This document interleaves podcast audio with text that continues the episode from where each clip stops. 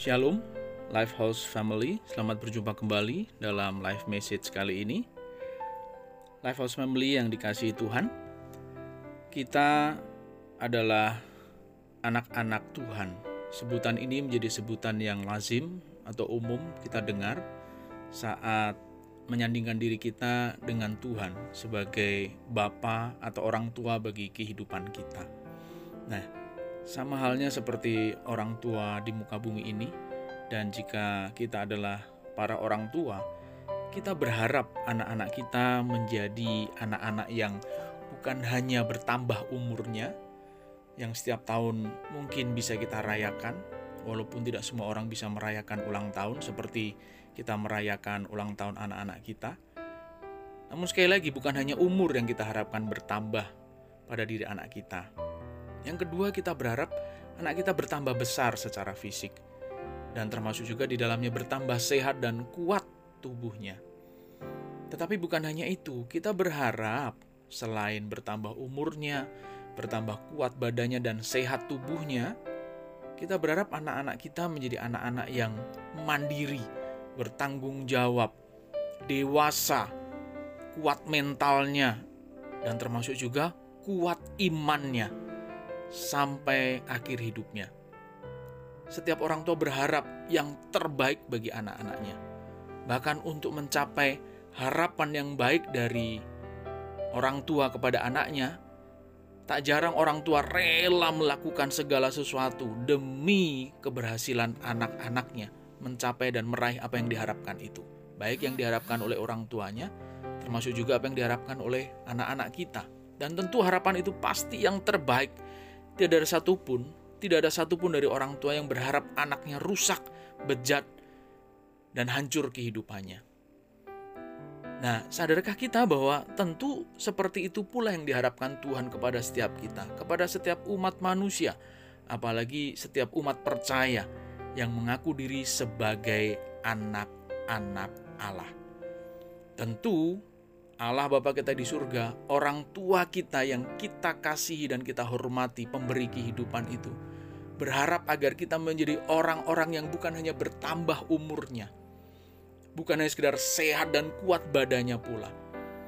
Tentu Bapa kita di surga berharap kita menjadi pribadi-pribadi yang mandiri, tangguh, kuat, dan kokoh. Termasuk di dalamnya tangguh, kuat, dan kokoh serta bertumbuh iman kita Sebab jika tidak, kita menjadi orang-orang yang merepotkan Tuhan. Dan bahkan bukan hanya merepotkan, melukai hati Tuhan, mengecewakan hati Tuhan sebagai orang tua kita. Coba bayangkan kita menjadi orang tua yang melihat anak-anak kita rusak, hidupnya hancur berantakan, blangsak, hidupnya tidak seperti hidupnya tidak seperti yang kita harapkan. Betapa luka hati kita, betapa pedih kita sebagai orang tua. Rasa-rasanya kita bisa dikatakan menyesal pernah melahirkan dan membesarkan anak-anak seperti ini.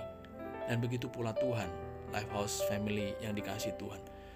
Tuhan berharap kita menjadi pribadi-pribadi yang menyenangkan hati Tuhan. Sebab jika tidak, Amsal 10 ayat yang pertama itu sudah mengingatkan, jauh-jauh hari kita diingatkan. Amsal pasal yang ke-10 ayat yang pertama demikian firman Tuhan.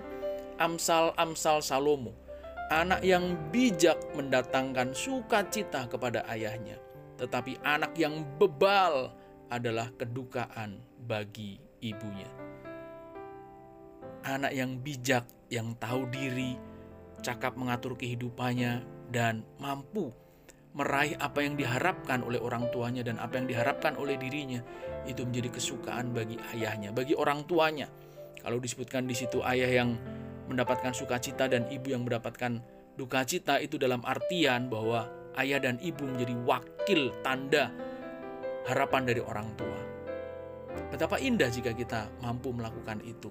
Dan betapa bangga Tuhan sebagai Bapa kita, orang tua kita, pemberi kehidupan kita. Sekaligus sebagai ibu kita yang merawat kita hingga hari ini bahkan hingga mati nanti. Tuhan tentu berharap kita menjadi orang-orang yang sungguh-sungguh menyenangkan hatinya. Sebab jika kita menyimpang dari apa yang Tuhan kehendaki, kita tidak menjadikan hidup ini sebagai upaya meraih yang terbaik, mencapai harapan terbaik yang Bapa inginkan dalam hidup kita, maka sudah pasti itu akan melukai hati Tuhan, mengecewakan hati Tuhan. Dan bisa jadi Tuhan kemungkinan besar kecewa pernah mengizinkan kita hidup di muka bumi ini. Nah, namun selama kita masih hidup, mari kita pergunakan kesempatan ini untuk memperbaiki diri, membuat Tuhan disenangkan lewat kehidupan kita. Selamat berjuang, Tuhan Yesus memberkati.